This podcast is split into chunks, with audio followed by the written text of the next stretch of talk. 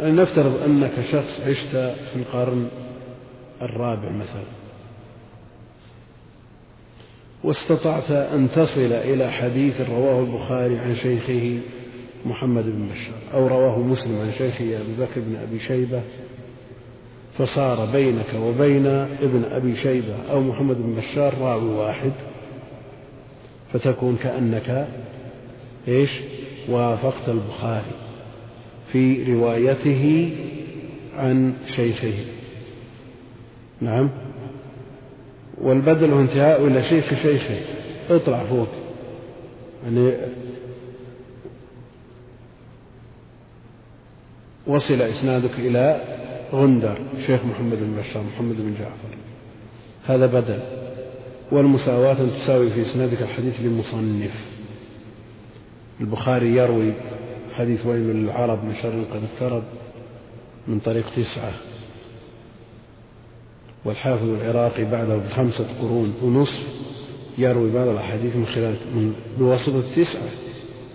نقول هذه مساواة للبخاري. مساواة للبخاري وهي فيها علو شديد بالنسبة لمن؟ للحافظ العراقي وفيها نزول شديد بالنسبة للإمام البخاري. والمصافحة وهي عبارة عن نزولك عنه بدرجة حتى كأنه صافحك به وسمعته منه. يعني إذا ساويت في إسنادك تلميذ البخاري أو تلميذ مسلم فصرت بمنزلة التلميذ لأحدهما فكأنك صافحت الإمام البخاري أو صافحت الإمام مسلم لأن المعتاد أن التلميذ يصافح شيخه. وهذه الفنون توجد كثيرا في كلام الخطيب البغدادي ومن نحى نحوه. صنف الحافظ بن عساكر بذلك مجلدات في العوالي والنوازل وعندي أنه نوع قليل الجدوى بالنسبة إلى بقية الفنون. يعني كونك تصل إلى مصنف مشهور من دواوين الإسلام بإسناد أقل برجال أقل تحرص على هذا العلو لكن قليل الجدوى. لأن الحديث ما دام دون في هذا الكتاب المعتبر والمعتمد عند أهل العلم لا يستفيد بقربك منه ولا ببعدك منه لا علو ولا نزول حقيقي. والله المستعان. نعم.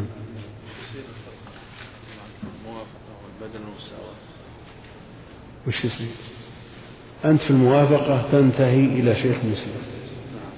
توافق مسلم في الرواية عن أبي بكر بن أبي شيخ نعم.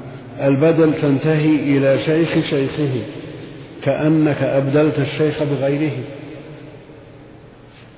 نعم. المساواة تساوي في إسنادك بغض النظر عن إسناده في العدد في العدد. والمصافحة تكون مساويا أو تصل إلى تلميذ الشيخ ومن عادة التلميذ أن يصافح الشيخ. مثل ما قال حافظ نوع قليل الجدوى. بالنسبة يعني هل تظن أن العلو والنزول من أنواع علوم الحديث مثل المحل؟ نعم. إيش بين هذا وهذا الفرق؟ شاسع. بينهما مفاوز هذا أعظم الأنواع وهذا قليل الجدوى فأما من قال إن العالم من الإسناد ما صح سنده وإن كثرت رجاله لا شك أن أنه علو. عالي وهو في الوقت نفسه غالي. إذا صح السند هذا هو المطلوب. وإن كثرت الرجال لكنه اصطلاح خاص. أهل العلم إذا أطلقوا العالي والنازل فيريدون به قلة رجال الإسناد. وماذا يقول هذا القائل فيما إذا صح الإسنادان؟ صح كثير الوسائط وصح قليل الوسائط. كلاهما عالي. نعم ماذا يقول الذي يقول أن العالي ما صح سنده؟ لو صح سند النازل وصح سند العالي صح الثلاثي صح التساعي. كلاهما عالي. نعم لا يستطيع أن يقول أن كل منهما عالي. يقول هذا القول محكي عن الوزان أن الوزير نظام الملك. وعن الحافظ السلفي. حافظ أبو طاهر السلفي معروف إمام محدث رحال جوال جمع. وروى عن عدد كبير من الشيوخ. يقول أما النزول فهو ضد العلو ما كان من نوع من أنواع العلو إلا وفي مقابله نوع من أنواع النزول. وهو مفضول بالنسبة إلى العلو. اللهم إلا أن يكون رجال الإسناد نازل أجل من رجال الإسناد العالي يعني إذا قدر أن حديث روي بإسناد عالي وفيهم المتكلم فيه بينما حديث آخر روي بإسناد نازل ورواة كلهم ثقات لا شك أن هذا أرجح. وإن كان الجميع ثقات. نعم. هؤلاء ثقات وهؤلاء ثقات. لكن رجال الإسناد النازل أوثق من رجال الإسناد العالي حينئذ يرجح النازل على العالي كما قال وكيل أصحابي أيما أحب إليكم الأعمش عن أبي وائل عن المسعود ثقات. أو سفيان عن منصور عن إبراهيم عن علقمة عن ابن مسعود. هذا نازل. الأعمش عن أبي وائل عن ابن مسعود كم؟ ثلاثي. الثاني سفيان عن منصور عن إبراهيم عن علقمة عن مسعود خماسي. الأول أعلى والثاني أغلى. لماذا؟ لأن الأعمش عن أبي وائل شيخ عن شيخ أهل حديث أهل رواية. وسفيان عن منصور عن إبراهيم عن علقمة عن مسعود هؤلاء أهل دراية. فقيه عن فقيه عن فقيه. يقول حديث يتداوله الفقهاء أحب إلينا من حديث يتداوله الشيوخ. وليست هذه الكلمة على إطلاقها لأن الغالب أن الضبط والإتقان عند أهل الحديث. لكن إذا اجتمع مع الحديث فقه ونظر يعني مع الأثر فقه ونظر لا شك أن ما يرويه الفقيه أولى بالاعتماد مما يرويه.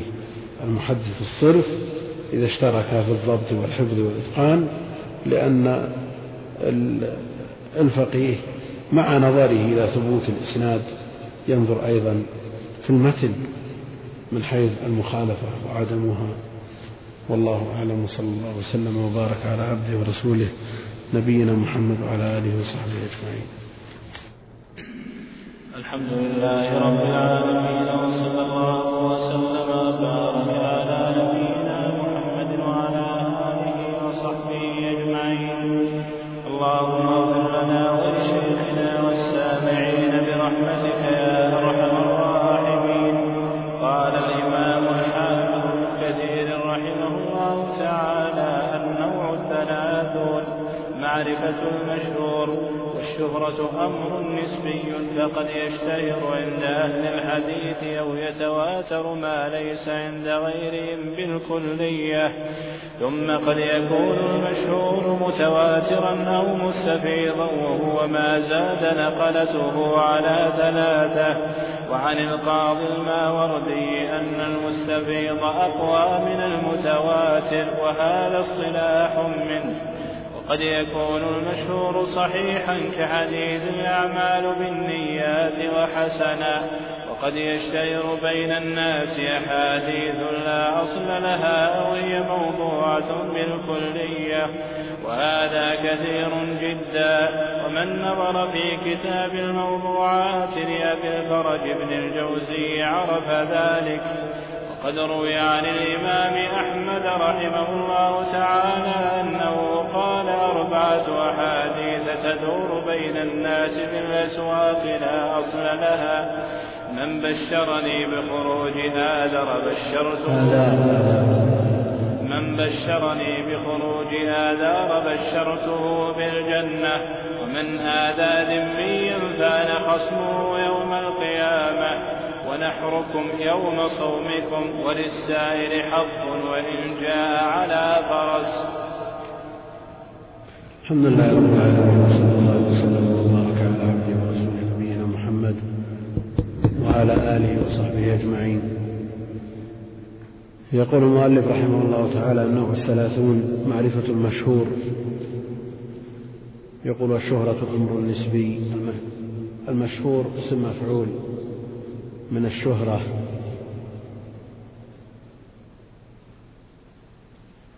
فقد يشتهر. الشهرة أمر نسبي فقد يشتهر. مشهور المعروف الواضح ومنه سمي الشهر لوضوحه واشتهاره بين الناس.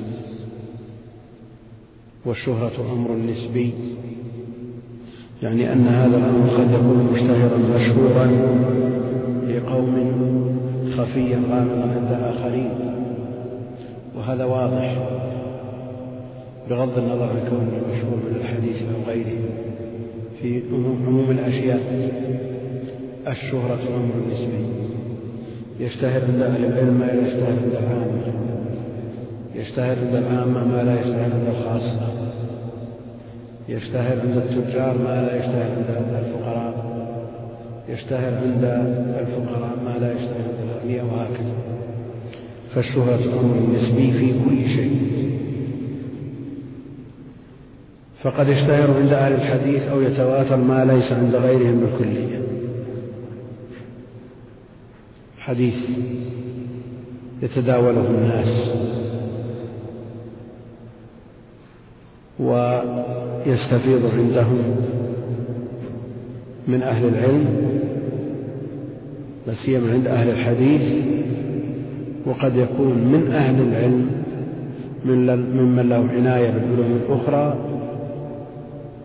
قد يكون ليس معروفا عندهم أو لم يترك سمعه البتة وإن كان منتسبا إلى واشتهر عند أهل الحديث وتواتر عندهم أحاديث واستفاضت. تداولها المحدثون وهي لا تعرف عند قوم آخرين وإن من كانوا من يعتني بالعلم ويعنى به. فقد يشتهر عند أهل الحديث ويتواتر ما ليس عند غيرهم بالكلية يعني ممن يعنى بالعلوم الأخرى فضلا عن من لا عناية له بالعلم البتة. فإن مثل هؤلاء قد تخفى عليهم الأحاديث المتواترة.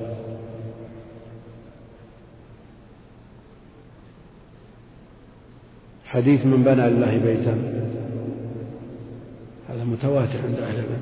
متواتر حديث من كسب من من من كذب. ومن بنى لله بيتا واحتسب.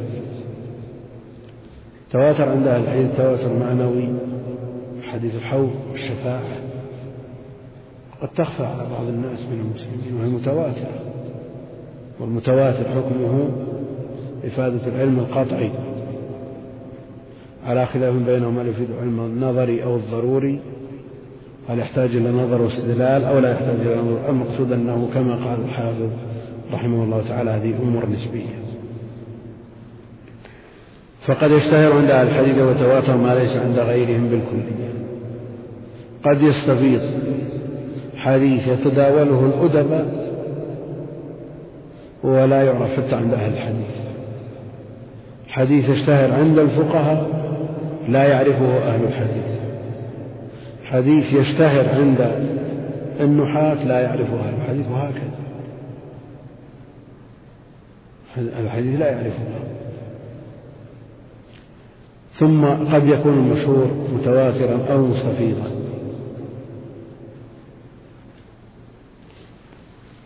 المشهور له حقيقة تميزه عن المتواتر. وإن كان المشهور والمستفيض عند أكثر العلماء بمعنى واحد لكن المتواتر له حقيقة وحد يميزه عن غيره. قد يكون المشهور مستفيضا إذا قد يكون المشهور مستفيضا صحيح والمستفيض مشهورا صحيح. لكن قد يكون المشهور متواترا يمكن ولا لا؟ إلا إذا قصد به الشهرة على الألسنة. يعني الشهرة غير الاصطلاحية يقول وما زاد على نقلته على ثلاثة. يريد بذلك الشهرة الاصطلاحية.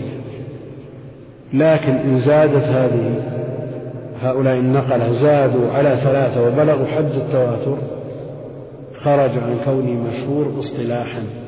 إلى كونه متواترا وإن كان مشهورا على الألسنة شهرة غير اصطلاحية فالمتواتر يرويه عدد يستحيل في العادة أن يتواطؤوا على الكذب عن مثلهم وأن يسندوه إلى شيء محسوس إلى أمر محسوس لا معقول. لا بد أن يكون مستند بالحس والمتواتر والمشهور والمستفيض والعزيز والغريب هذه ألفاظ اصطلاحية تداولها أهل العلم وبينوا حقيقتها. لكن إن بحثت عنها في القرون الثلاثة المفضلة قد لا تجدها. وهكذا في جميع العلوم جدت اصطلاحات بعد القرون المفضلة ولا ضير في ذلك لأن المقصود منها التيسير على طلاب العلم المقصود منها التحديد والتيسير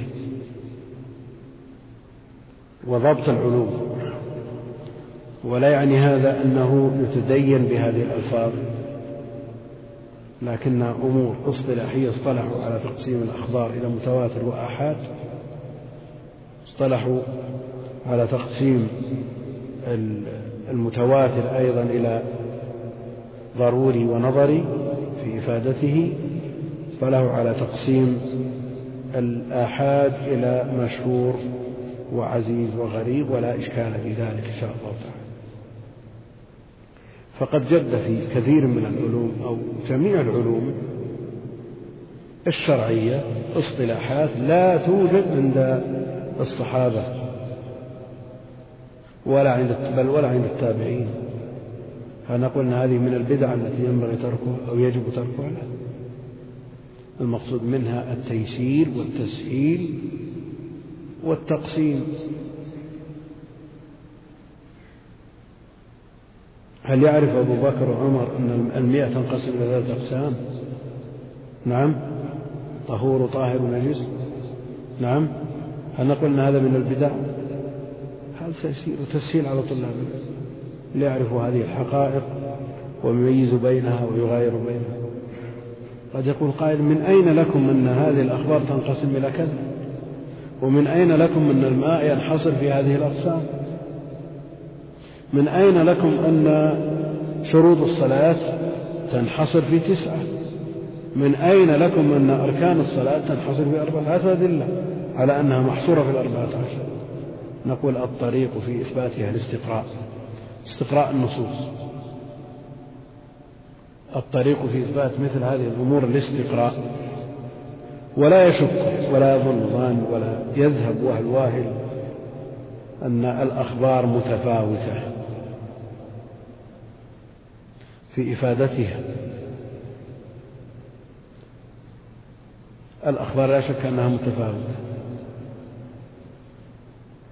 فمنها ما يلزم بقبوله بمجرد سماعه ومنها ما يتوقف في قبوله على ويتثبت فيه ومنها ما يرد بمجرد سماعه.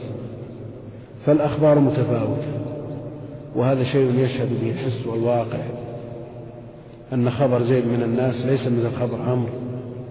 الناس متفاوتون في قوة الضبط والحفظ والإتقان والعدالة والديانة.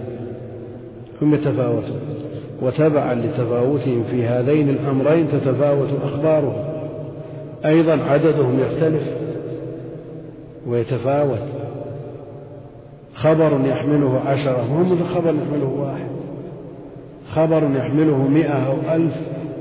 ليس مثل خبر يحمله واحد أو اثنين.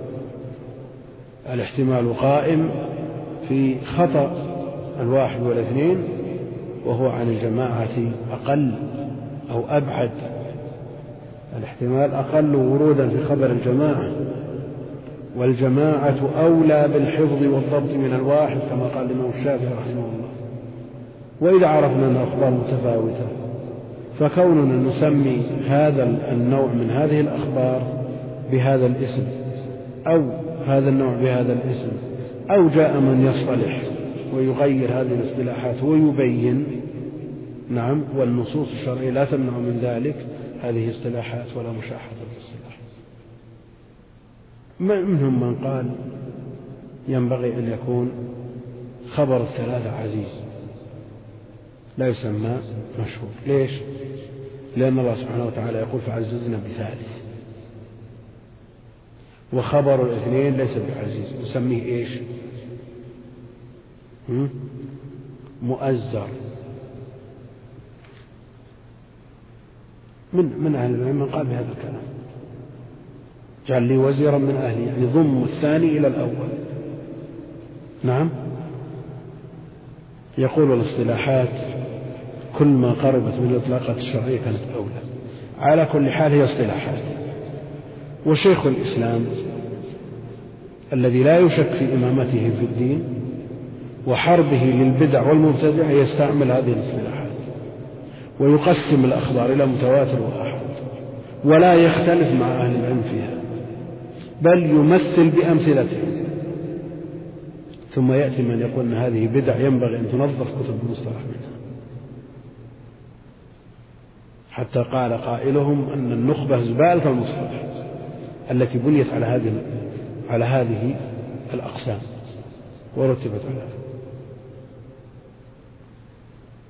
هذه. دعاوى سمعناها ممن له عناية بهذا العلم ولا شك. له عناية. ولا يتهم في قصده. لا نقول من قصد هدم العلم أو الإساءة إلى العلم وأهله أبدا. لا نظن بهم هذا لكن ينبغي أن نعرف للناس أقدارهم للمتقدمين أقدارهم وللمتأخرين أقدارهم وهكذا أمرنا أن ننزل الناس ما نزله على كل حال هذه التقاسيم لا ضير منها ولا إشكال ولا خطر على الدين ولا على أهله. لأنها مجرد اصطلاحات والواقع والحس يشهد بأن الأخبار متفاوتة وإذا كانت متفاوتة ينبغي أن تصنف إلى درجات وإذا صنفت إلى درجات فلتسمى هذه الدرجات ما, ما سميت ولا مشاحة بالاصطلاح هناك نص هل هنا من هذه الاصطلاحات شيء يخالف النصوص الشرعية؟ ليس بذلك ما يخالف. نعم الحساسية تأتي عند بعضهم من رد المبتدع لخبر واحد. وكون خبر واحد يفيد الظن نعم هو يفيد الظن. لكن مع كونه يفيد الظن هو موجب للعمل. إيش معنى مفيد للظن؟ هذه مسألة قررناها مرارا وذكرناها سابقا لكن لا يمنع بالمناسبة ذكر أول أقسام الآحاد وهو المشهور لا مانع من إعادتها. إيش معنى كون خبر واحد؟ أولا ما خبر واحد. خبر واحد هو الخبر الذي ينقله العدد الذي لم يبلغ حد التواتر. لم يبلغ العدد حد التواتر يعني ليس مجرد سماع كلامهم ملزم بقبوله يضطرك إلى قبوله. يعني خبر ينقله واحد اثنين ثلاثة أربعة خمسة عشرة عدد محصور نقول خبر واحد. آحاد وهذا مجرد اصطلاح. خبر الواحد سواء نقله واحد أو اثنان أو ثلاثة هو محتمل للصواب والخطأ. الحافظ الضابط مالك بن أنس نجم السنن. هل خبره ملزم بالقبول بمعنى أنه معصوم من الخطأ لا يغفل لا يخطئ لا يسوء من يعرو من الخطأ والنسيان. ما في أحد ليس في أحد معصوم. إذا إذا نقل الإمام مالك خبر نقول هذا خبر واحد. ولو جاء من طريق ثاني وثالث لكن الاحتمال قائم. هل معنى هذا أنك تحلف على جميع ما نقله الإمام مالك أو على جميع ما رواه الإمام أحمد بن حنبل؟ ما نقله إليك؟ لا تحلف على هذا. إذا ما دام هذا الاحتمال قائم الخبر لم يصل إلى درجة العلم. إيش معنى العلم؟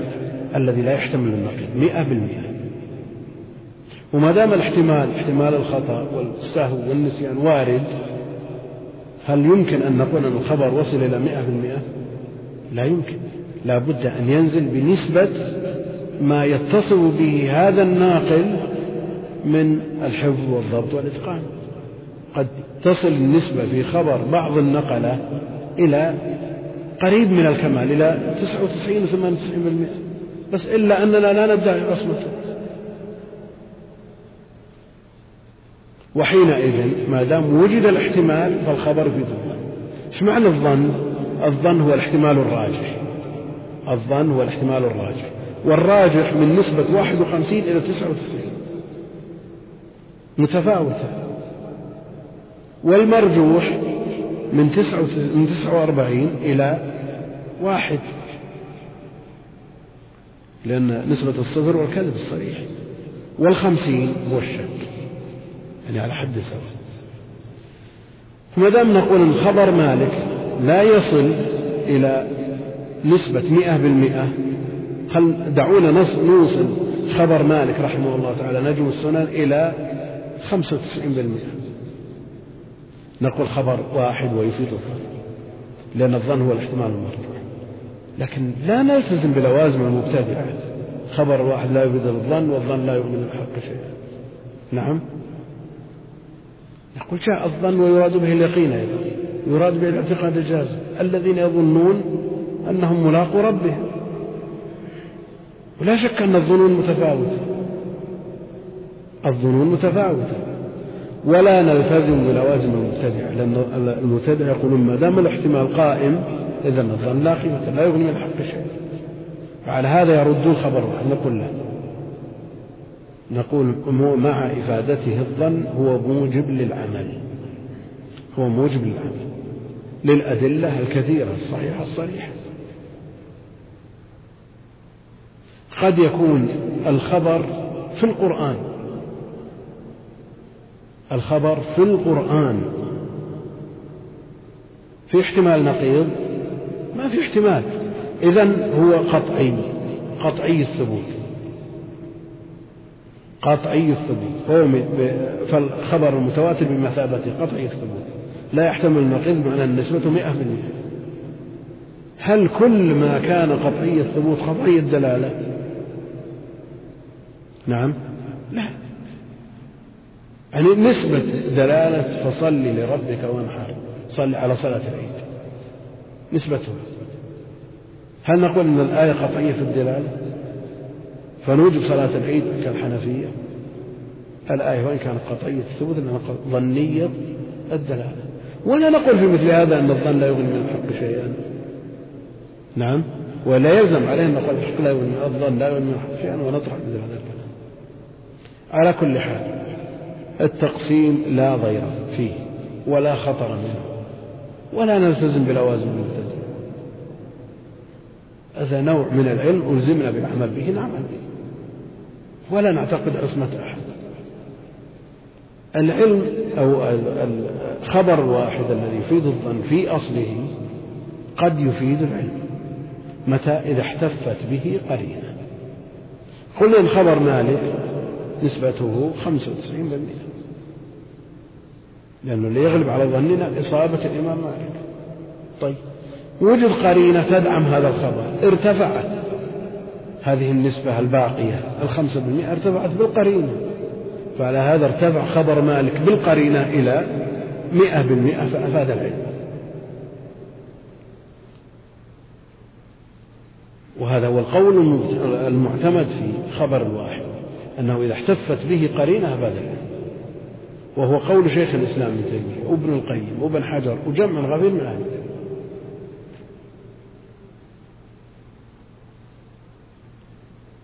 وهو القول الوسط المعتمد في هذه المسألة. وعرفنا وجهه.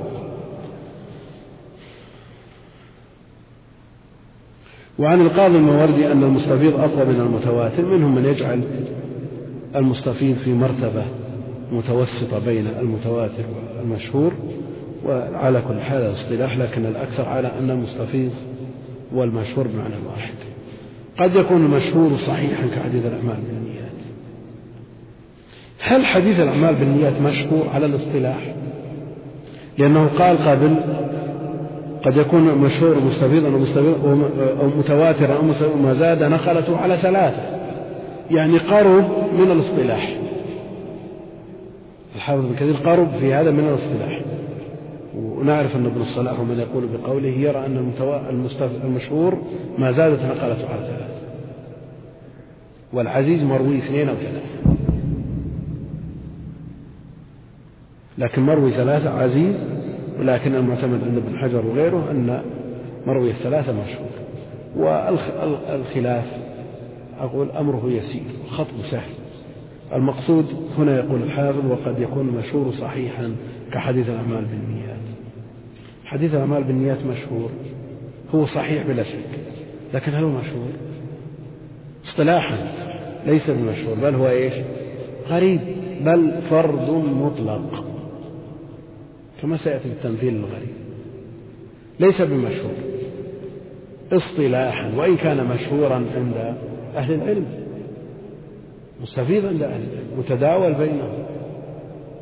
مشهور في آخر الطبقة الخامسة من طبقات الإسناد نعم. بل لو قيل بتواتره في الطبقة الخامسة لما بعد. لكن العدد الأقل يقضي على الأكثر. كما قررنا ذلك مرارا العدد الأقل ولو في طبقة من طبقات الإسناد تفرد به راوي خبر غريب. وهكذا. قد يكون حسنا نعم قد يكون المشهور حسنا وقد يكون صحيحا وقد يكون ضعيفا أيضا. يروى من طرق وهو ضعيف. يروى من طرق لكن كلها ضعيفة. ويبقى ضعيف لا يجبر بعضها بعضا وهو مع ذلك مشهور وقد يشتهر بين الناس أحاديث لا أصل لها.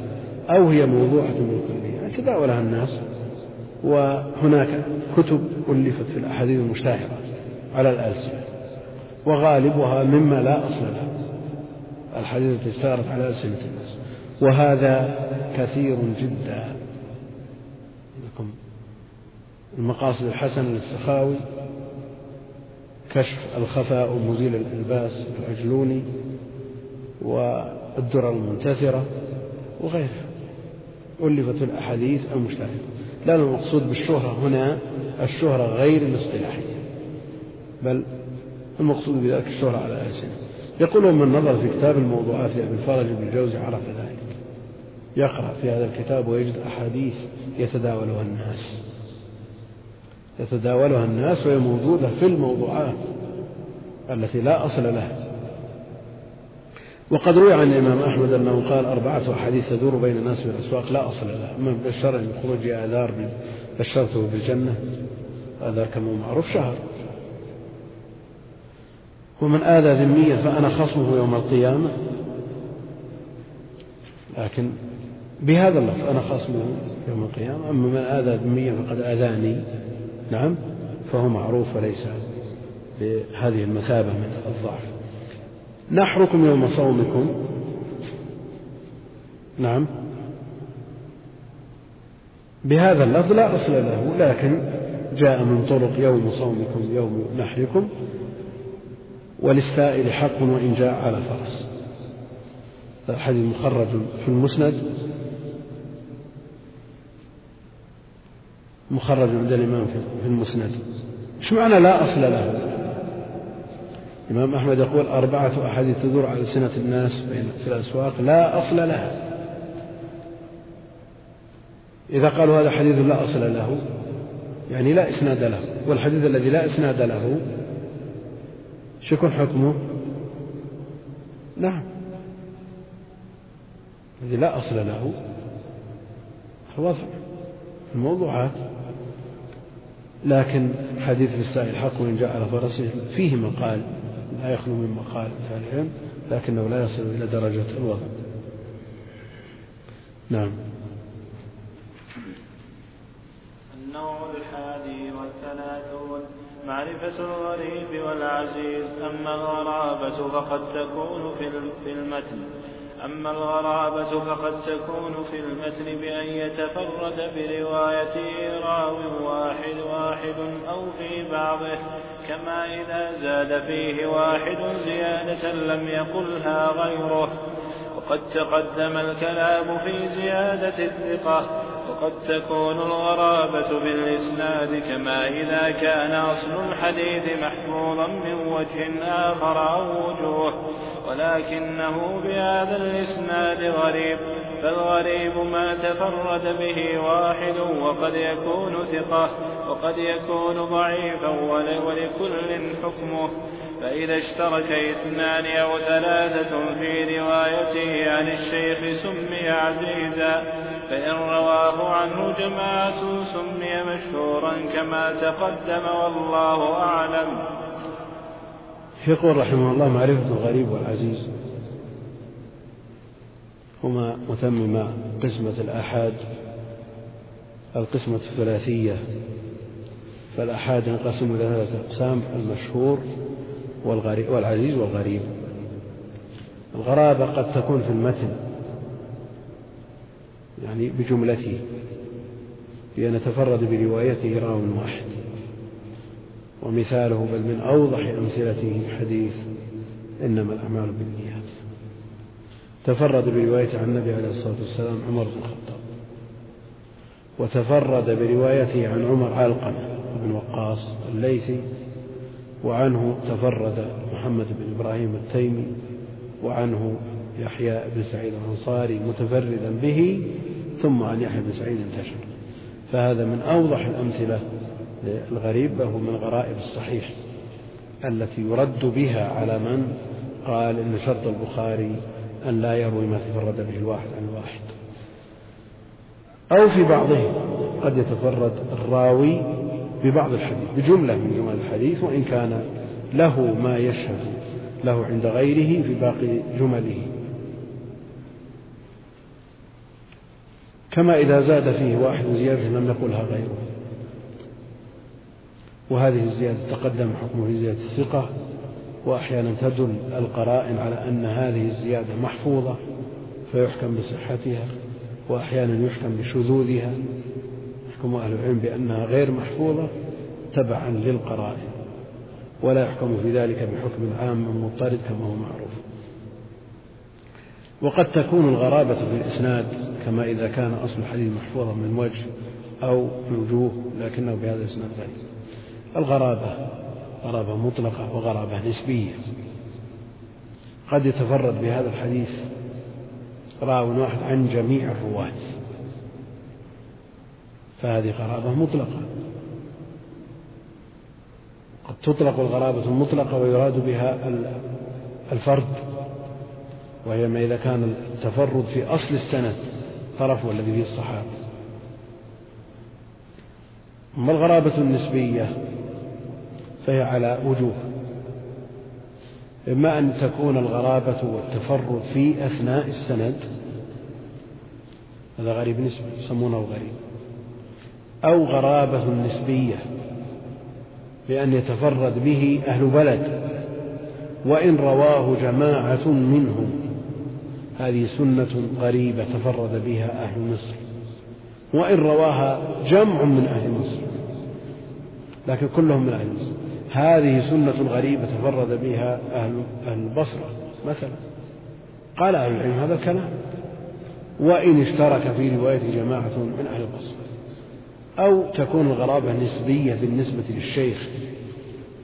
يعني يتفرد بروايته عن فلان عن شعبة مثلا. محمد بن جعفر. وإن رواه عن غيره عن غير شعبة جماعة. لكنه تفرد به عن هذا الراوي عن شعبة هذا الراوي فهذه غرابة نسبية. وكثيرا ما يقول الترمذي هذا حديث حسن صحيح غريب لا نعرفه إلا من هذا الوجه. قد تكون الغرابة والتفرد من هذا الوجه من هذا بهذا اللفظ وعلى هذا يحمل تحمل الغرابة في إطلاق الترمذي لأنه يكون له طرق لكن بهذا اللفظ تفرد به هذا الراوي المقصود أن إطلاقات أهل العلم في الغرابة آه، كثيرة ولها محامل عندهم أشرنا إلى بعضها. يقول فالغريب ما تفرد به واحد وقد يكون ثقة يعني في الأحاديث الغريبة ما هو صحيح. إذا كان راوي ثقة كحديث الأعمال بالنيات وحديث كلمتان خفيفتان على اللسان إلى آخره في الصحيح وغير ذلك من الغرائب الصحيح. قد يكون راوي ثقة فعلى هذا يكون الحديث صحيحا. وقد يكون ضعيفا يكون راوي ضعيفا وحينئذ يكون ما تفرد به ضعيف. وقد يكون حسنا وقد يكون حسنا ولكل حكمه. فرواية الثقة مقبولة. ورواية الضعيف مردودة ورواية الحسن مقبولة إلا أنها من رواية الثقة. فإن اشترك اثنان أو ثلاثة في روايته عن شيخ سمي عزيزا. هذا جاري على اصطلاح ابن الصلاح الذي يرى أن المشهور ما رواه فوق الثلاث. والعزيز ما رواه اثنان أو ثلاث اثنان أو ثلاث والغريب ما تفرد بروايته واحد فقط ولو في بعض طبقات السند. على كل حال هذا اصطلاح وجرى عليه أهل العلم ولا ضير فيه إن شاء الله تعالى. فإن رواه جماعة سمي مشهورا كما تقدم يعني إن زاد العدد على ثلاثة أو ثلاثة فأكثر على قول الآخر سمي الخبر مشهورا. نعم.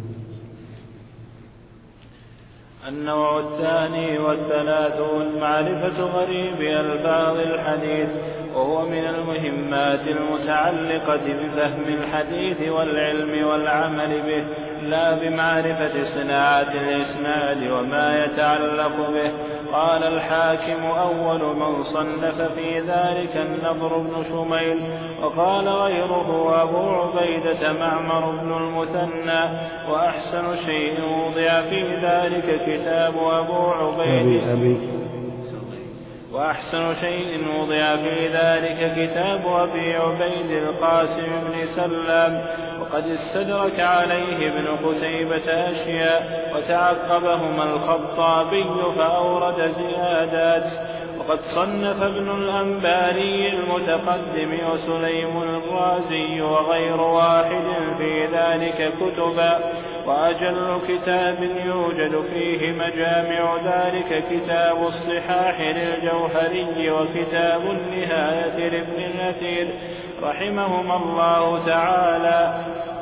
النوع الثاني والثلاثون معرفة غريب ألفاظ الحديث الذي تقدم غريب الحديث ويبحث بالأسانيد وهنا غريب الألفاظ الغريب من ألفاظ الحديث.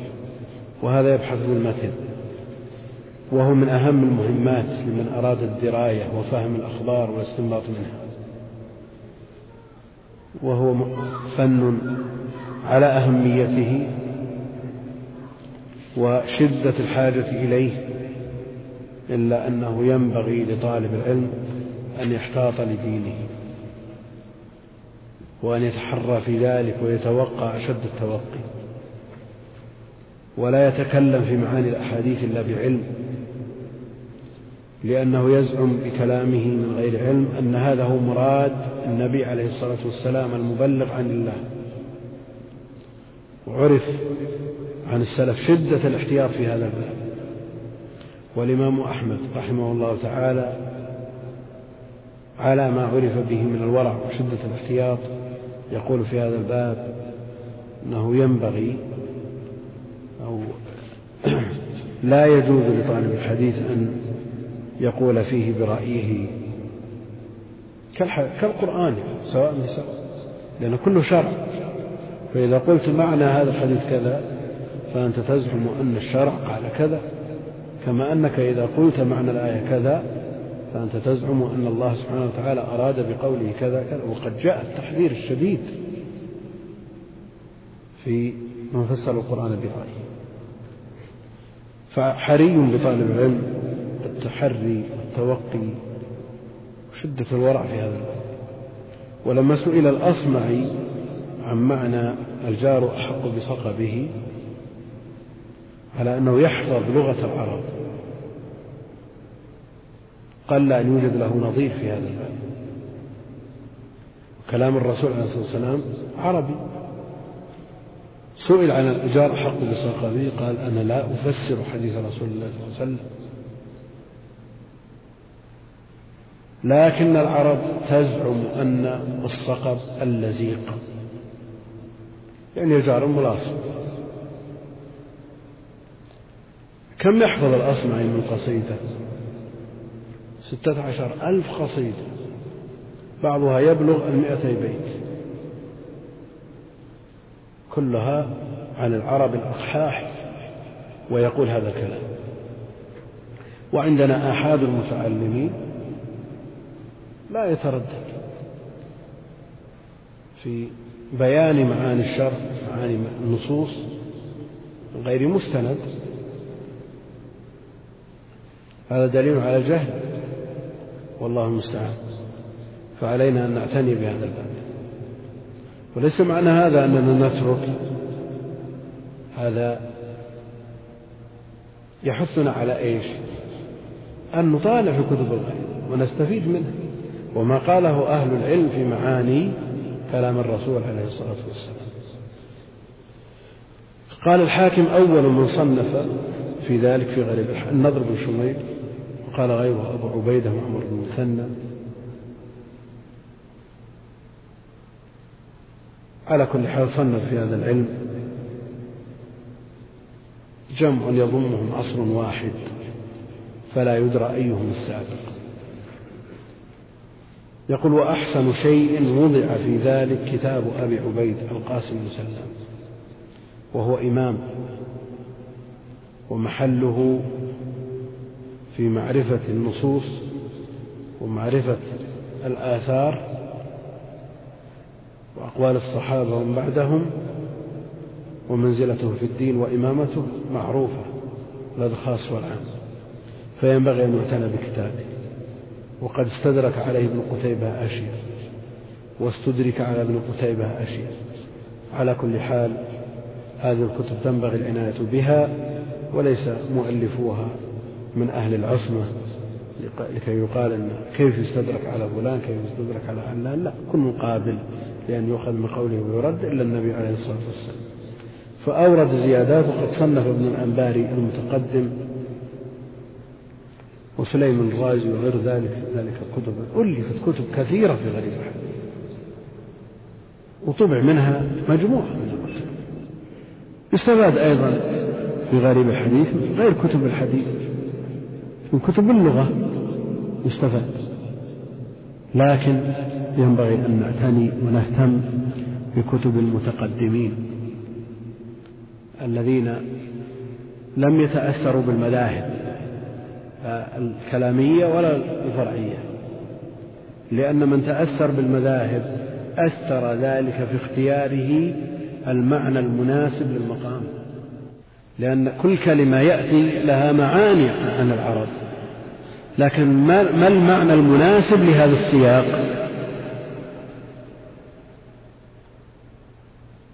المعنى المناسب للسياق لا شك أنه لا يستطيع تحديده من تخصص باللغة فقط. كما أنه لا يستطيع تحديده من تخصص بالحديث فقط ولا يعرف من لغة العرب شيئا. فلا بد لمن يتصدى لهذا الشأن أن يكون ممن جمع بين الأمرين معا. لا بد أن يكون على قدر كبير من معرفة لغة العرب وأن يكون عارف بالحديث وطرقه ورواياته لكي يختار اللفظ المناسب في السياق المناسب أو للسياق المناسب.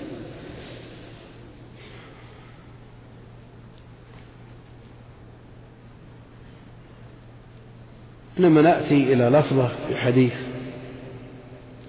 ونأتي إلى كتاب صنف في غريب كتب الفقه مثلا. المصباح المنير أو تهذيب الأسماء واللغات مثلا. أو المطلع أو المغرب المطرزي أو غيرها من كتب التي تعتني بغريب كتب الفقه.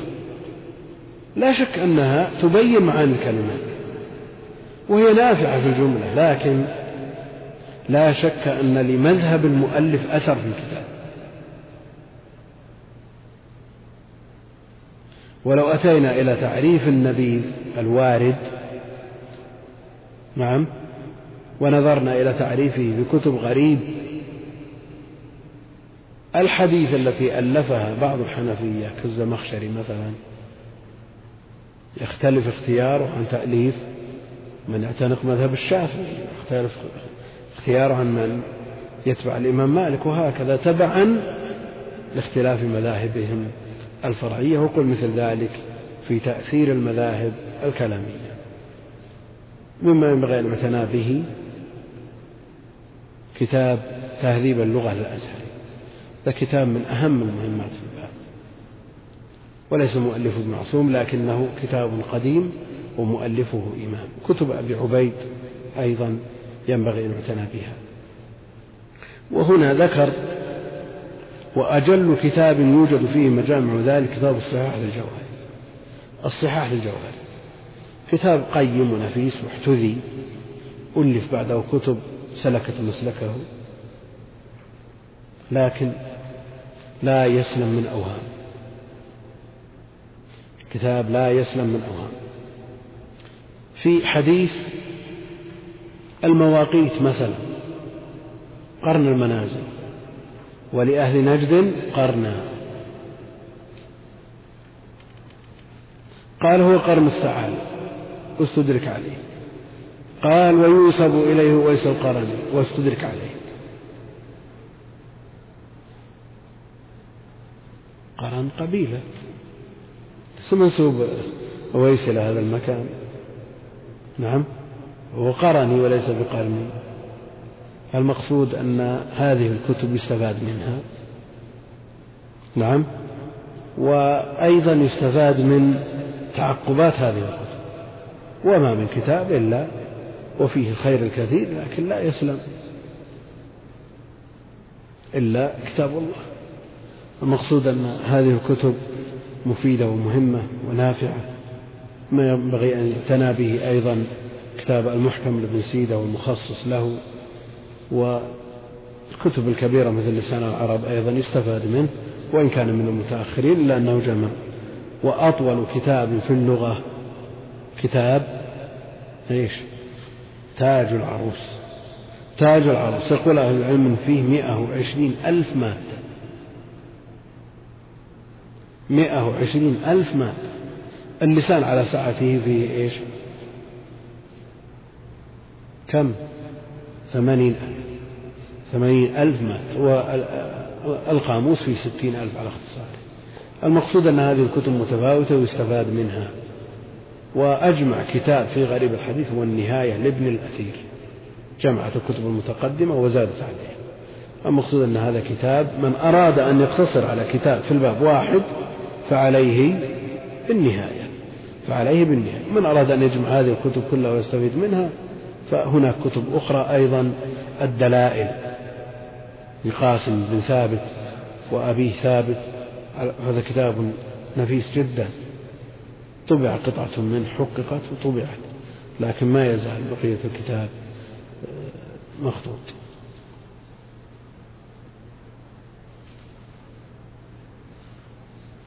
نعم.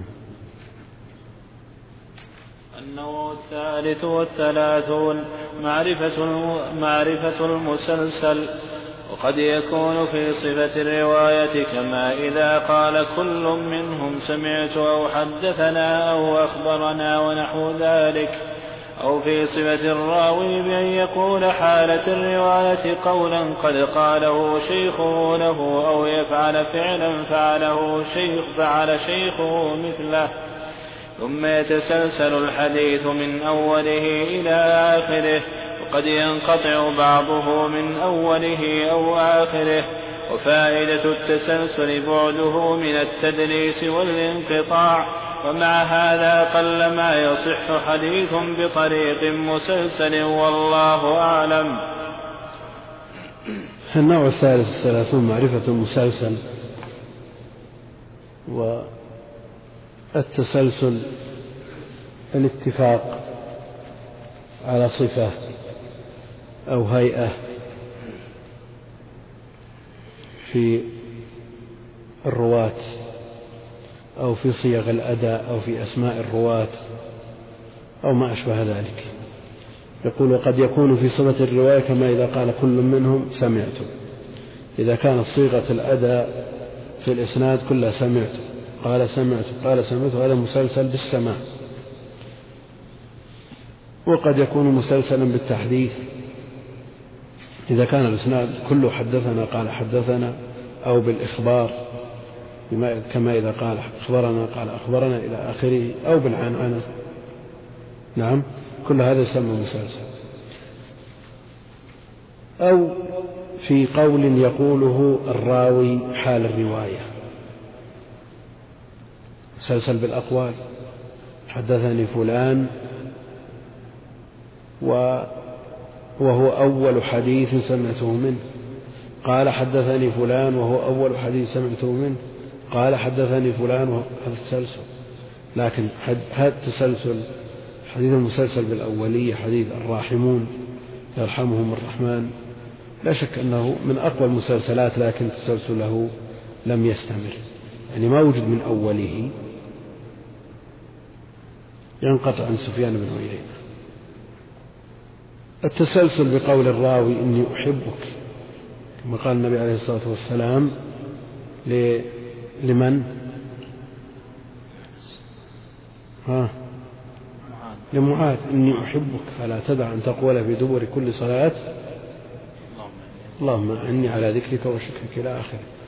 تسلسل بعد ذلك. قال معاذ لمن روى عنه إني أحبك فلا تدع. قال الذي روى عنه إني أحبك فلا تدع. أن تقول إلى آخره. قد يكون تسلسل بالأفعال حرك النبي عليه الصلاة والسلام شفتيه. حرك ابن عباس شفتيه. حرك الراوي عنه شفتيه. إلى آخره. كما كان ابن الرسول يحركه كما كان ابن عباس يحركهما. إلى آخره. بعد أن حدثني تبسم. مسلسل بالتبسم.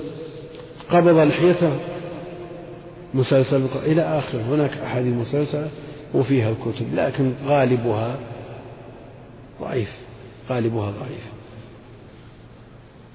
ثم قد يتسلسل من أوله إلى آخره وقد ينقطع بعضه من أوله وآخره وهذا معروف. وفائدة التسلسل بعدها من التدليس والانقطاع. لا شك أن هذا التسلسل يدل على أن هناك ارتباط وثيق بين الراوي ومن روى عنه فيقوي مسألة الانقطاع ويضعف احتمال يقوي مسألة الاتصال ويضعف احتمال الانقطاع. يقول ومع هذا قل ما يصح حديث بطريق مسلسل يعني من أوله إلى آخره. والله المستعان. نعم. النوع الرابع والثلاثون. معرفة ناسخ الحديث ومنسوخه وهذا الفن ليس من خصائص هذا الكتاب بل هو بأصول الفقه أشبه وقد صنف الناس في هذا كتبا كثيرة مفيدة من أجلها وأنفعها. كتاب الحافظ الفقيه أبي بكر الحازمي رحمه الله تعالى. وقد كانت للشافعي رحمه الله تعالى في ذلك اليد الطولى كما وصفه به الإمام أحمد بن حنبل رحمه الله تعالى. ثم الناسخ قد يعرف من رسول الله صلى الله عليه وسلم كقوله كنت نهيتكم عن زيارة القبور فزوروها ونحو ذلك. وقد يعرف ذلك بالتاريخ وعلم السيرة وهو من أكبر العون على ذلك. كما سلكه الشافعي رحمه الله تعالى في حديث أفطر الحاجم والمحجوم.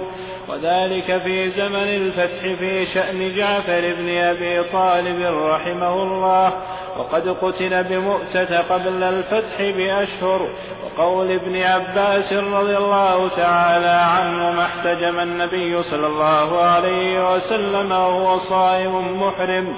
وإنما أسلم ابن عباس مع أبيه في الفتح. فأما قول الصحابي هذا ناسخ لهذا فلم يقبله كثير من الأصوليين لأنه يرجع إلى نوع من الاجتهاد وقد يخطئ فيه وقبلوا قوله هذا ك هذا كان قبل هذا لأنه ناقل وهو ثقة مقبول الرواية. النوع الرابع والثلاثون. معرفة ناسخ الحديث ومنسوخ وهذا أيضا من الفنون المهمة المشتركة بين هذا العلم وعلم أصول الفقه فلا يستغني المحدث عنه ولا فقيه ولا طالب علم شرعي. قد مر علي بن أبي طالب رضي الله عنه على قاص وقال له أتعرف الناسخ من المنسوخ؟ قال لا. قال هلكت وأهلكت. لأنه قد يتعرض لسؤال فيسأل فيجيب بخبر منسوخ أو يفتي بحكم كان أولا قبل النسخ ثم نسخ. فعلى طالب العلم أن يعتني بالأخبار الناسخ والمنسوخ منها سواء كان من الآيات أو من الأحاديث.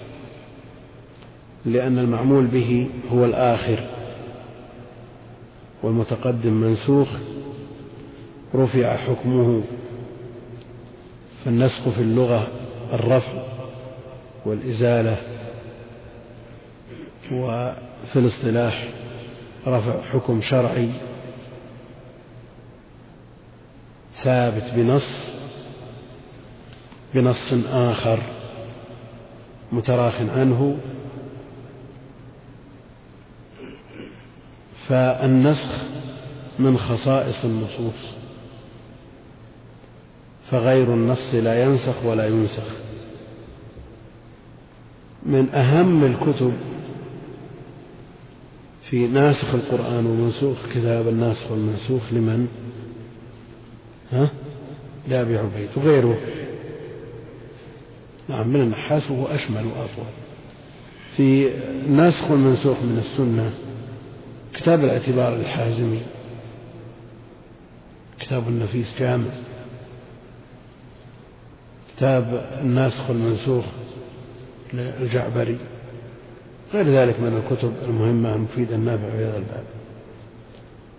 أيضا شراح كتب السنة يعتنون بهذا الباب عناية فائقة ويبينونه. والإمام الشافعي رحمه الله تعالى هو في ذلك اليد الطولى في معرفة المتقدم والمتأخر كما وصفه بذلك الإمام أحمد بن حنبل. ثم الناس قد يعرف من رسول الله صلى الله عليه وسلم قد يعرف من النص. كنت نهيتكم عن زيارة القبور فزوروها. يعني كنت نهيتكم في المستقبل في الماضي فزوروها. كان آخر الأمرين. قول الصحابي كان آخر الأمرين من رسول الله صلى الله عليه وسلم ترك الوضوء مما مست النار. هذا نحتج به أو لا نحتج؟ أو نقول هذا اجتهاد؟ إذا قال الصحابي هذا ناسخ لهذا. تردد العلماء في قبول مثل هذا الكلام من اجتهاد منه. لكن إذا نقل خبرا أو أخبر عن عن خبر من الأخبار أنه متأخر عن خبر آخر. قوله كان آخر الأمرين ترك الوضوء من مسة النار هذا إخبار عن تأخر هذا الخبر عن غيره. الذي فيه الوضوء من كل شيء. وقد يعرف ذلك بالتاريخ وعلم السيرة. عندنا حديث أفطر الحاجم والمحجوم وحديث احتجم النبي عليه الصلاة والسلام وهو صائم محرم. الحديث الأول يروي شداد بن أوس وهذا يروي ابن عباس. قرر الإمام الشافعي أن ذاك في الفتح. وهذا في حجة الوداع. ولا شك أن حجة الوداع متأخرة عن غزاة الفتح. على هذا يكون على ما قرر الإمام الشافعي حديث ابن عباس ناسخ لحديث شداد بن أوس قول الصحابي هذا ناسخ لهذا قال لم يقبله كثير من الأصوليين لأنه يرجع إلى نوع من الاجتهاد وقد يخطئ في الاجتهاد. لا شك أنه ليس بمعصوم. إذا كان مرده إلى رأيه واجتهاده لكن إذا نقل خبرا لزمنا قبوله لأنه ثقة مقبول الرواية والصحابة كلهم عدول. نعم. إلا الله الصلاة القائمة.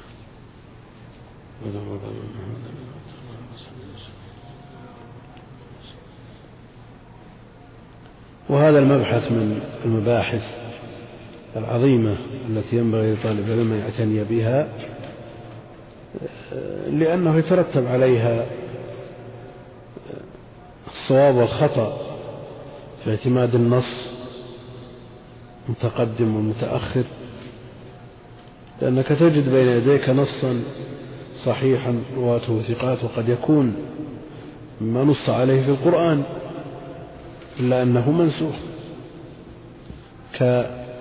كعدة الوفاة التربص للوفاة حول.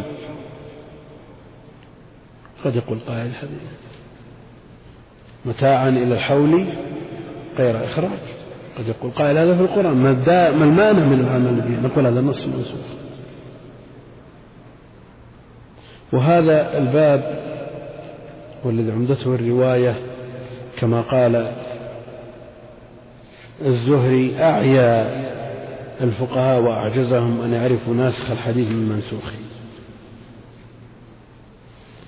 لأنهم عمدتهم الرأي والاستنباط. لكنهم لا يحفظون الآثار ولا يعرفون متقدمها ومتأخرها فهذا أعياهم وأعجزهم. ولذا تجد الكثير ممن ينحى منحى الفقهاء ولا يعتني بحفظ النصوص. نعم. يشكل عليه كثير من الأمور. فإذا سئل عن مسألة إن كانت مبنية على فهم وكان النص حاضر استطاع أن يستنبط. وإلا اضطر إلى الأقيسة والرأي.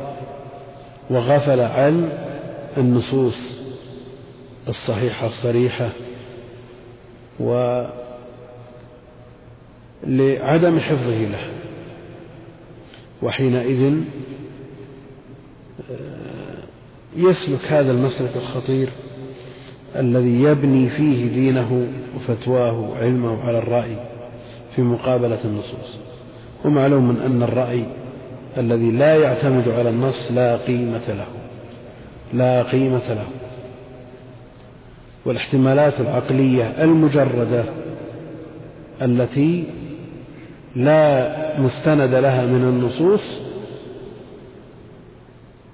لا يعبأ بها ولا يكترث بها. هناك تقسيمات في هذا الباب. النسخ إلى بدل وإلى غير بدل وإلى الأخف وإلى الأثقل وغير ذلك من التقسيمات التي يرجع إليها في مظانها. نعم.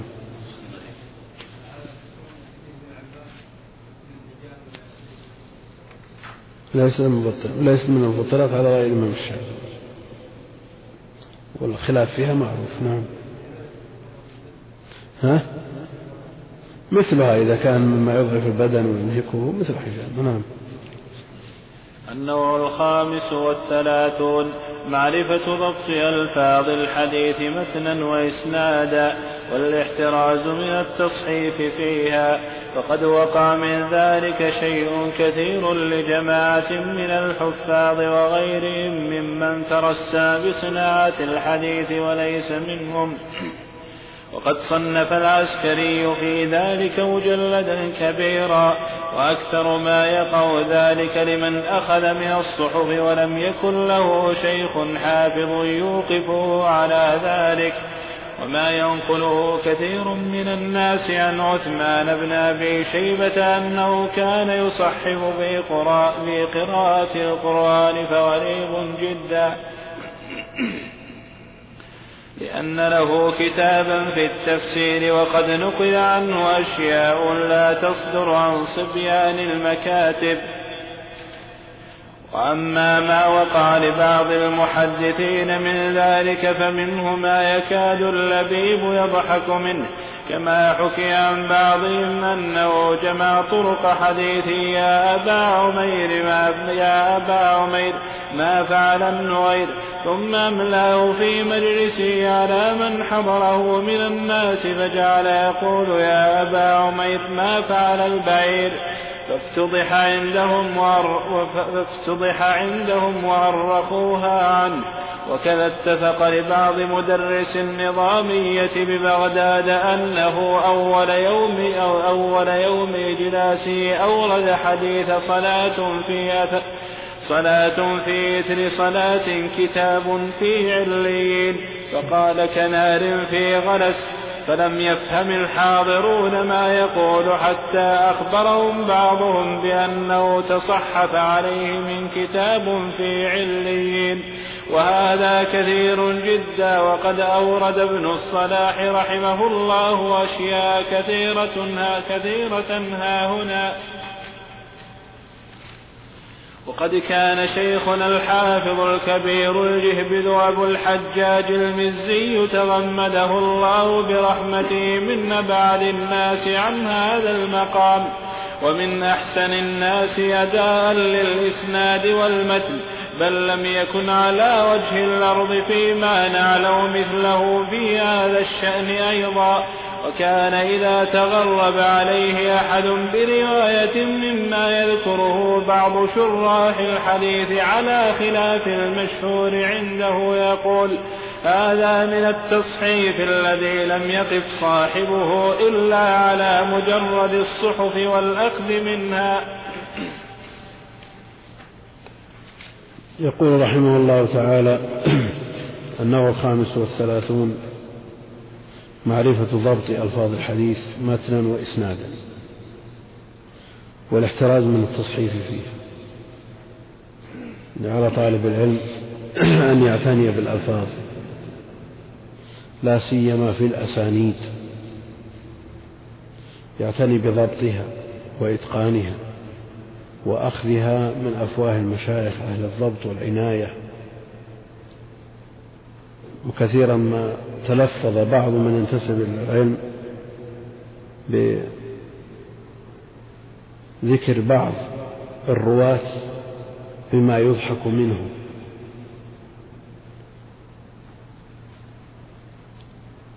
سلمة بن كهيل قال ومن يعد من الكبار من كهبل. فضلا عن أن يقول في عبيدة عبيدة هذا أمره. نعم سهل. لكن على طالب العلم أن يعتني بهذا وأن يديم النظر في الكتب التي صنفت في هذا الشأن. والشروح شروح كتب السنة التي تكرر الضبط للرواة وتكرر ضبط الألفاظ في المتون ينبغي أن يعض عليها بالنواجذ. فالتصحيف لا شك أنه شيء وعيب في طالب العلم وأن يقرأ الشيء وهو لا يعرف ضبطه ولا معناه. يقول وقع من ذلك شيء كثير لجماعة من الحفاظ وغيرهم. ممن ترسم بصناعة الحديث وليس منهم تسمى بالحديث وتصدى لروايته وأكثر من الرواية غير الحفاظ الضابطين المتقنين فوقع في المضحكات. وقد صنف العسكري أكثر من كتاب في التصحيف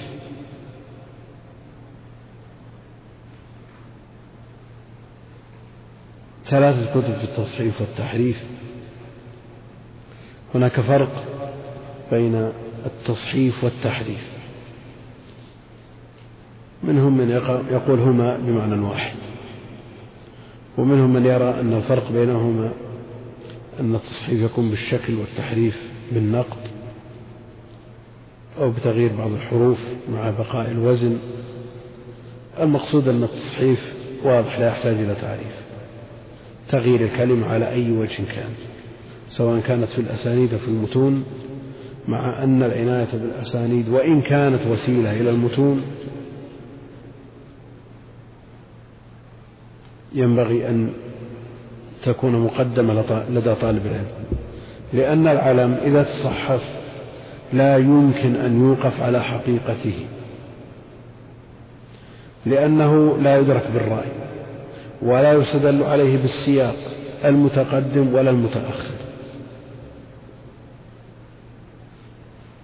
رسالة علمية مر فيها اسم شخص نعيم بن سالم من الوضاعين تعب صاحب الرسالة إلى أن أيس وأخيرا كتب قال لا أجد له ترجمة. فيما بين يدي من المصادر وهو موجود في كل الكتب.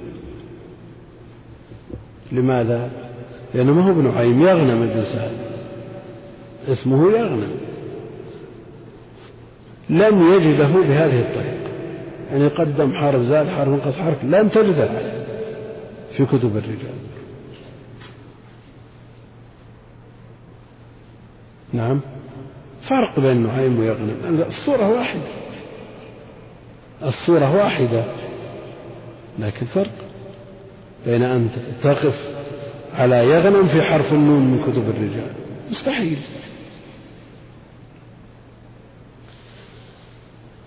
وأكثر ما يقع ذلك من أخذ من الصحف. تصحيف في المتون أمور.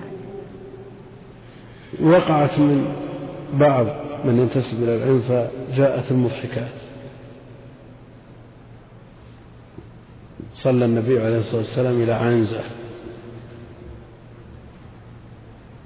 ورواه آخر بالمعنى فنصب شاة بين يديه. قال صلى النبي عليه الصلاة والسلام إلى شاة. هذا سبب التصحيف بدل ما يبقى عنزة صارت عنزة. وصحف بعضهم الكلمة في المعنى بل نقول حرف المعنى. العنزة عنزة لا إشكال. لكن هل هي العنزة العصا الذي ينصب ليكون ساترا؟ أو هو القبيلة قبيلة عنزة؟ نحن قوم لنا شرف. صلى إلينا رسول الله صلى الله عليه وسلم من عنزة. كل هذا مما يضحك. وأكثر ما يقع ذلك لمن أخذ من الصحف تلقى العلم من الكتب. ما أخذ عن الشيوخ لأن الشيخ إذا أخطأ الطالب يسدده ويوقفه على الصواب. وما ينقله كثير من الناس عن عثمان بن أبي شيبة أنه كان يصحح في قراءة القرآن غريب جدا. نعم تداول الناس بعض الكلمات عن هذا الشيخ عثمان بن أبي شيبة بعضها مضحك وبعضها نجزم بأنه لا يثبت عن مثله. فإذا نتفنا الحبل نعم.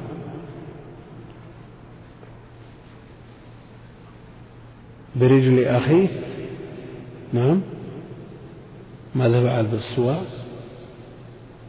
نعم. ها. في رحل أخيه برجل أخيه المقصود أن مثل هذه التحريفات الظاهرة قد لا تثبت عن هذا الإمام. نعم هو عرف بالطرافة والنكتة لكن ما يصل إلى أن يقول في القرآن مثل هذا الكلام. وله كتاب في التفسير. ولا يتصور أن شخص يؤلف في التفسير ويخفى عليه مثل هذه الأمور. وقد وقع عنه أشياء لا تصدر عن صبيان المكان.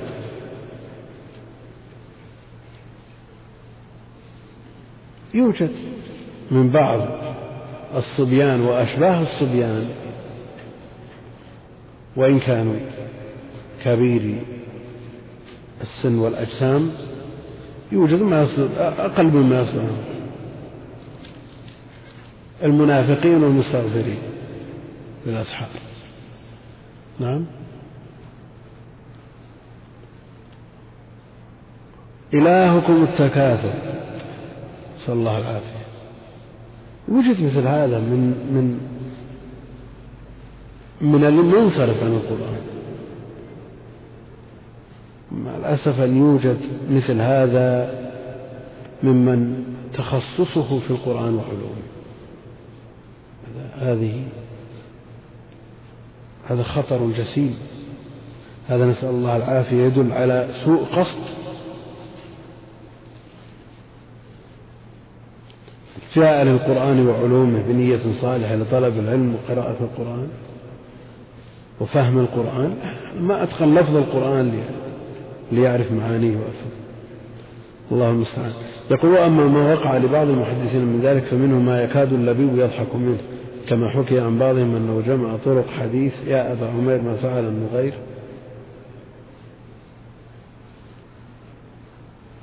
النغر طائر صغير صغير نغير أخ صغير لأنس. يداعبه النبي عليه الصلاة والسلام فيقول له يا أبا عمير ما فعل النغير هذا البعض الذي جمع طرق هذا الحديث أملاه في مجلسه على من حضره من الناس فجعل يقول يا أبا عمير ما فعل البعير. يعني في الرسم البعير والنغير متقاربة افتضح عندهم وأرخوها عنه.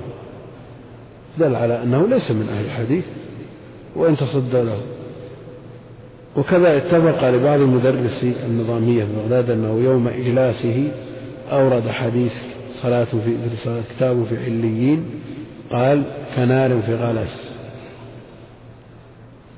كتاب كنار قريبة عليين وغلس صورتها متقاربة. فلم يفهم الحاضرون ماذا يقول. الكلمة إذا صحفت اليأس التام من معرفة معناها.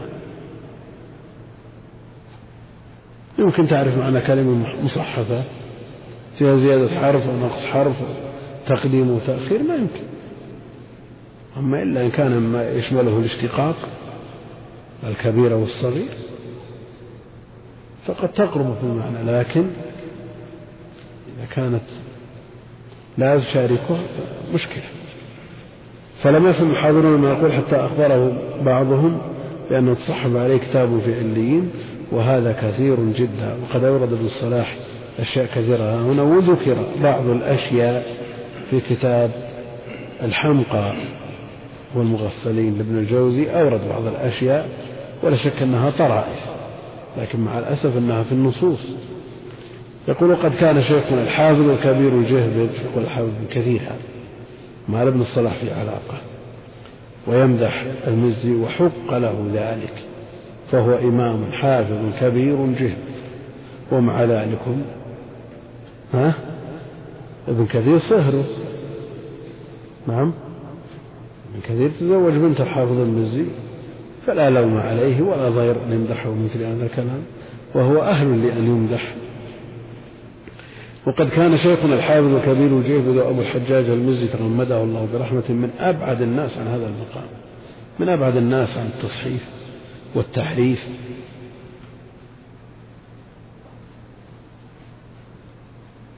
ومن أحسن الناس أداء للإسناد والمتن.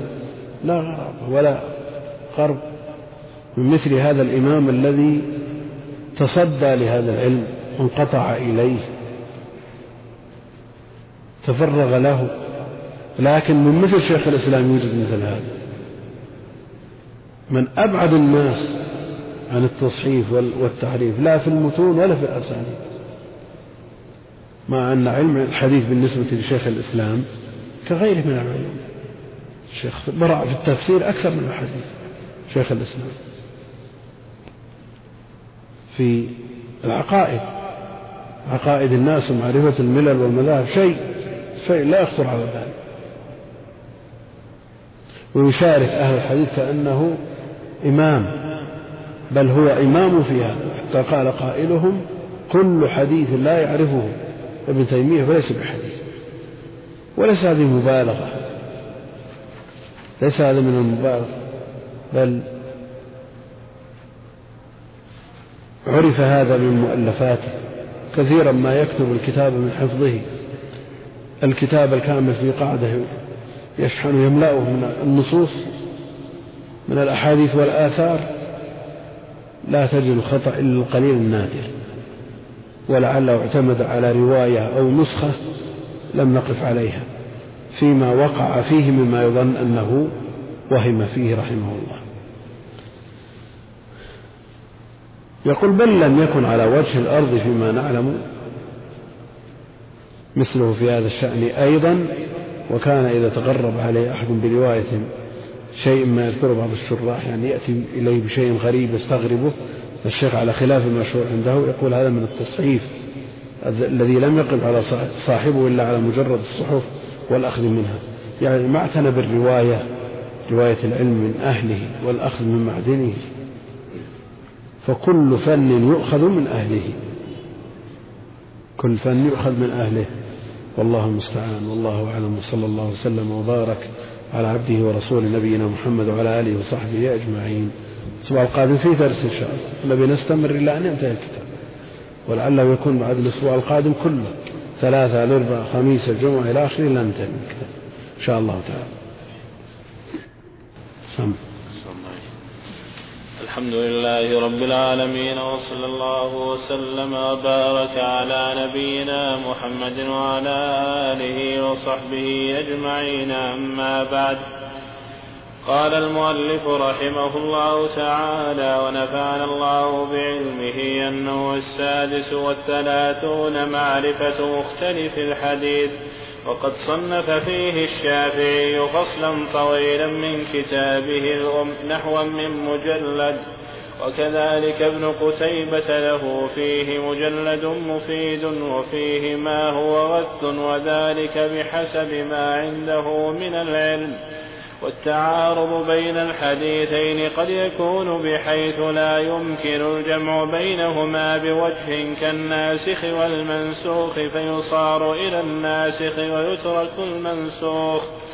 وقد يكون بحيث ما بحيث يمكن الجمع ولكن لا يظهر لبعض المجتهدين فيتوقف حتى يظهر له وجه الترجيح بنوع من أقسامه. أو يهجم فيفتي بواحد منهما أو يفتي بهذا في وقت وبهذا في وقت كما يفعل أحمد في الروايات عن الصحابة. وقد كان الإمام أبو بكر بن, بن خزيمة رحمه الله يقول ليس ثم حديثان متعارضان من كل وجه. ومن وجد شيئا من ذلك فليتأنى لأؤلف فليأتني, فليأتني لأؤلف له بينهما. الحمد لله رب العالمين وصلى الله وسلم وبارك على عبده ورسوله نبينا محمد وعلى آله وصحبه أجمعين. النوع السادس والثلاثون يقول المؤلف رحمه الله تعالى معرفة مختلف الحديث. وهذا النوع نوع من الأهمية بمكان لأنه به يدفع التعارض بين النصوص سواء كان بين حديث وحديث أو حديث مع غيره من آية ونحوها. المقصود بمختلف الحديث أن يقع أو أن يوجد حديثان متعارضان في الظاهر. في الظاهر متعارضان. والناظر إذا كان من أهل النظر إما أن يستطيع الجمع بين هذه النصوص بوجه من وجوه الجمع فيتعين عليه حينئذ. أو يعرف لا يستطيع الجمع لكن يعرف المتقدم من المتأخر وهذا ما يعرف بالنسخ قد تقدم فيعمل بالناسخ ويترك المنسوخ. إن لم يعرف المتقدم من المتأخر فالترجيح فيعمل بالراجح ويترك المرجوح. إن لم يمكن هذا ولا هذا فالتوقف فالتوقف لأنه ليس للإنسان أن يعمل بنص معارض من غير ترجيح. ترجيح بين النصوص المتساوية بمجرد الهوى تحكم. لا يجوز لأحد أن يسلكه. ووجوه الترجيح بين النصوص كثيرة جدا عند أهل العلم. ذكر منها الحازمي في مقدمة الاعتبار نحو, نحو من خمسين وأوصلها الحافظ العراقي في حاشية ابن الصلاح إلى ما يقرب من المئة. وحصرها السيوطي في ثمانية أقسام.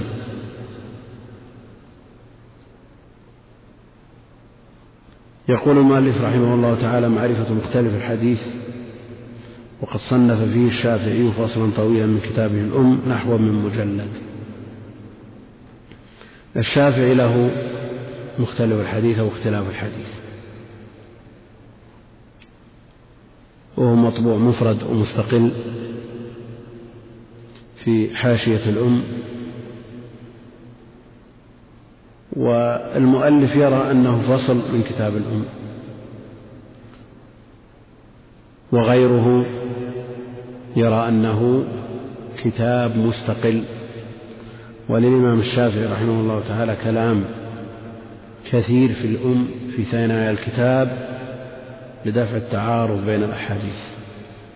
وأما كتاب اختلاف الحديث فهو ألفه استقلالا لهذا النوع لهذا النوع. والكتاب طبع مرارا. وكذلك ابن قتيبة له مجلد مفيد مطبوع باسم مختلف الحديث وفيه ملاحظات وعليه استدراكات.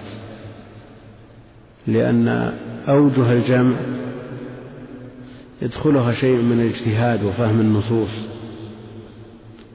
والإنسان قد يوفق في فهمه وقد لا يوفق. وقد يوفق من وجه بينما يفوته التوفيق من وجوه. ولذا تجد وجوه الجمع عند الأئمة تأخذ مسالك وكل له مسلك خاص للتوفيق بين النصوص المتعارضة. وإذا أخذنا على سبيل المثال حديث لا عدوى ولا طيرة لا عدوى ولا طيرة مع حديث فر من المجذوم فرارك من الأسد. ولا يورد ممرض على مصح. والنبي عليه الصلاة والسلام أخذ بيد المجذوم وأكل معه. متوكلا على الله معتمدا عليه. هذه النصوص في ظاهرها التعارض وللأئمة مسالك وطرق. منهم من يقول أن لا عدوى على حقيقته. العدوى منفية ولا أثر للخلطة بين الصحيح والسقيم. لا أثر إطلاقا يعني مثل ما تعارض تعاشر المريض تعاشر الصحيح لا أثر لذلك مطلقا. إذا كيف نؤمر بالفرار من المجذوم؟ قالوا تفر من المجذوم لئلا يصيبك شيء ابتداء من الله سبحانه وتعالى فتنسب ذلك إلى المخالطة فتقع في معارضة النص. ويكون هذا من باب سد الذريعة لمخالفة النص فقط. وإلا فلا عدوى أصلا. ومنهم من يثبت العدوى الفر من المجذوم لأنه يعدي. إذا كيف يقول الرسول عليه الصلاة والسلام لا عدوى؟ نقول نعم يقول لا عدوى. بمعنى أن المرض لا يسري بنفسه. لا يسري بنفسه وليست مخالطة الصحيح للسليم. تسبب انتقال المرض بذاته وبنفسه إلى السليم. لكن هناك عدوى.